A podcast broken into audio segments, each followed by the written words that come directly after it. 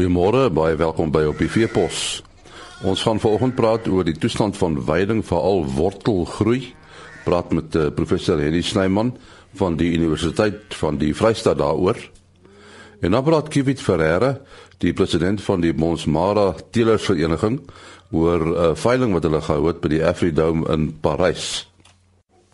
Ons uh, gaan nou gesels oor die impak van beweiding en droogte op wortelgroei by uh, weiplante. En uh, daaroor praat ons met professor Henny Snyman van die departement vee wild en weidingkunde aan die Universiteit van die Vrystaat. Nou julle julle het 'n uh, studie gedoen uh, op uh, spesifiek 'n rooi gras. Uh, en vertel ons 'n bietjie wat het hierdie uh, studie bevind? Nou en nie rooi gras maak 'n besondere groot komponent uit van die rooi vleisproduksie van ons land. Met ander woorde, rooi gras is 'n baie belangrike gras wat 'n groot voeding bied vir skape, beeste en bokke. So oor die laaste jare het ek gekyk na die impak van ontblaring en van droogte op spesifiek die wortelgroei van rooi gras. En wat is julle bevinding? Eh uh, so hier ek het gevind dat beide droogte en ontblaring het 'n geweldige impak op die wortelgroei. So uh, as 'n boer sy weiveld bewei, eh dan moet hy altyd in gedagte hou as hy te lank in 'n kamp bly of as hy die kamp te straf ontblaar, dan gaan die wortelgroei van die uh weiplante daardeur benadeel word en dan met weer regte stel moet dit 'n uh, 'n uh, uh, baie lang rusperiode ondervind. Maar saam met die ontblaring of die beweiding is die droogte ook baie belangrik. So die afgelope uh, seisoen het groot dele van ons land gebuk gegaan onder groot uh, ernstige droogte toestande en die boere moet dit beslis verreken in die grootskaalse wortelafsterwing wat daarmee gepaard gegaan het. So die oplossing is as die droogte opgehef is, dan moet die boere uh, dit in gedagte hou baie van die grasse se wortels het afgesterf en dan moet 'n lang rusperiode in die bestuur ingebou word om weer op te maak vir daardie wortels wat verlore is. Ja, jy sê die wortels het afgesterf. Met ander woorde, hulle is uh, heeltemal dood. Hulle kan nie weer groei nie.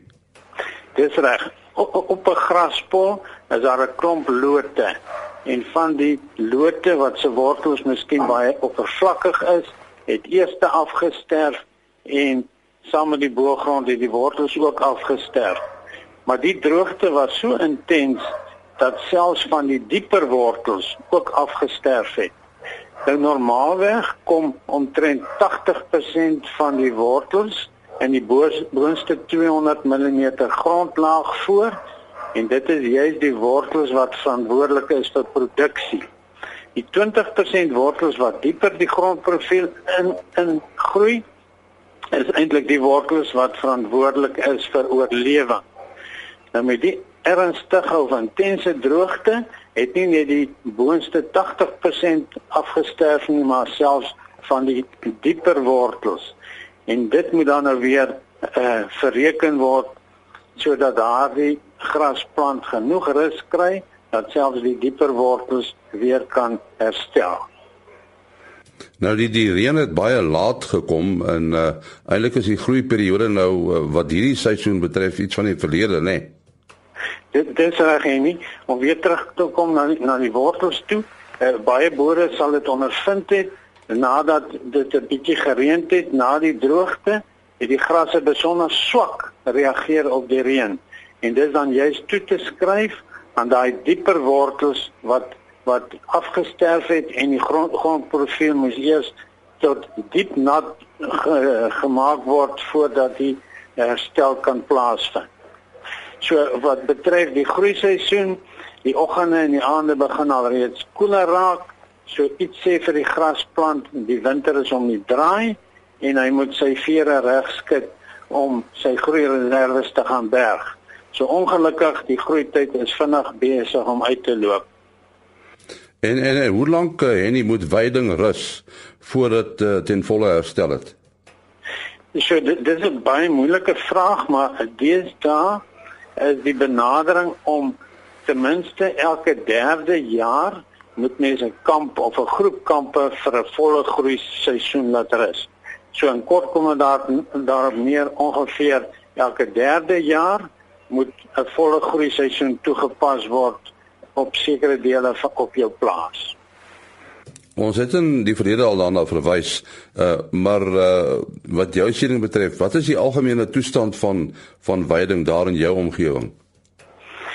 Is so en nie ongelukkig in die Vrystaat en ook groot ander weivelddele van ons land het het uh, hierdie droogte meegebring dat baie van die graspolle afgesterf het. Met ander woorde, jou hele bedekking is laag en jou hele veidingkapasiteit het ook daardie ook daardie beïnvloed. Met ander woorde, die boer moet uh, kennis dra dat volgende seisoen is sy veidingkapasiteit of sy draagkrag laer as wat normaalweg was. So hy moet 'n uh, 'n rusperiode inbou, hy moet diere verminder en as dit nou weer goed reën, dan moet hy nie sommer net vinnig weer diere vermeerder nie. Hy moet sorg dat sy veld eers weer herstel voordat dit die normale veidingkapasiteit of draagkrag kan handhaaf. Is daar 'n manier om vas te stel wat jou veidingkapasiteit is? Uh, die departement van landbou het 'n algemene kaart wat die veidingkapasiteit of die draagkrag van van hele Suid-Afrika kan kan weergee. Maar daar is verskillende tegnieke en verskillende metodes wat mens meer spesifiek op 'n plaas kan toepas om te bepaal wat is jou veidingkapasiteit of jou draagkrag. So die boere kan by die departement van landbou kan hulle uitvind wat is die die distrik of die streek se se veidingkapasiteit of draagkrag. Maar as hy meer in detail op sy eie plaas dit wil doen, dan is daar verskillende tegnieke wat mens kan toepas. Ja, baie dankie professor Henny Snyman van die Universiteit van die Vrystaat. Ons uh, gesels nou met die uh, president van Bonsmara Suid-Afrika, uh, Kivit Ferreira. En uh, Bonsmara uh, Suid-Afrika het 'n nasionale veiling gehou vroeër die maand die 16de Maart by die Afridome in Parys. Uh, hoe was die belangstelling vir die veiling, uh, Kivit? En nie, ons het baie belang, goeie, goeie belangstelling gehad. Ons het ons het vir jaar net 'n veiling gehou. Ons nie net deesdae die jaarlikse veiling nie, nasionale veiling, maar ons het 'n veiling gehou net vir vroulike diere en en dit het eintlik baie goed gegaan. Uh ons het verjaar nie 'n bulveiling gehou nie gesien die lig van die droogte, maar die opkoms en die belangstelling vir vroulike diere was was wel baie hoog geweest. Uh, die aard van die saak was dit net stoetdiere geweest, so die stoetteelers het hierdie belangstelling daar getoon en was as kopers geweest. Daar was ook 'n aanlyn gedeelte, nê? Nee. Dit reg ja, ons beplanning was geweest en dit is ons eerste fase van van van van implementering van 'n aanlyn veiling in in beeswêreld.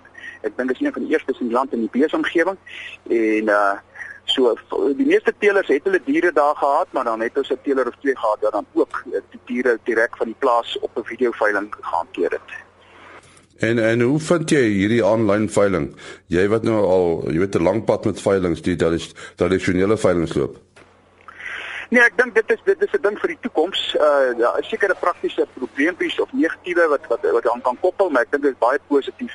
Uh die, die, die een van die persone wat wat wat, wat, wat video veiling daar gehad het, die dier by plaas is het van die hoogste pryse opgehaal.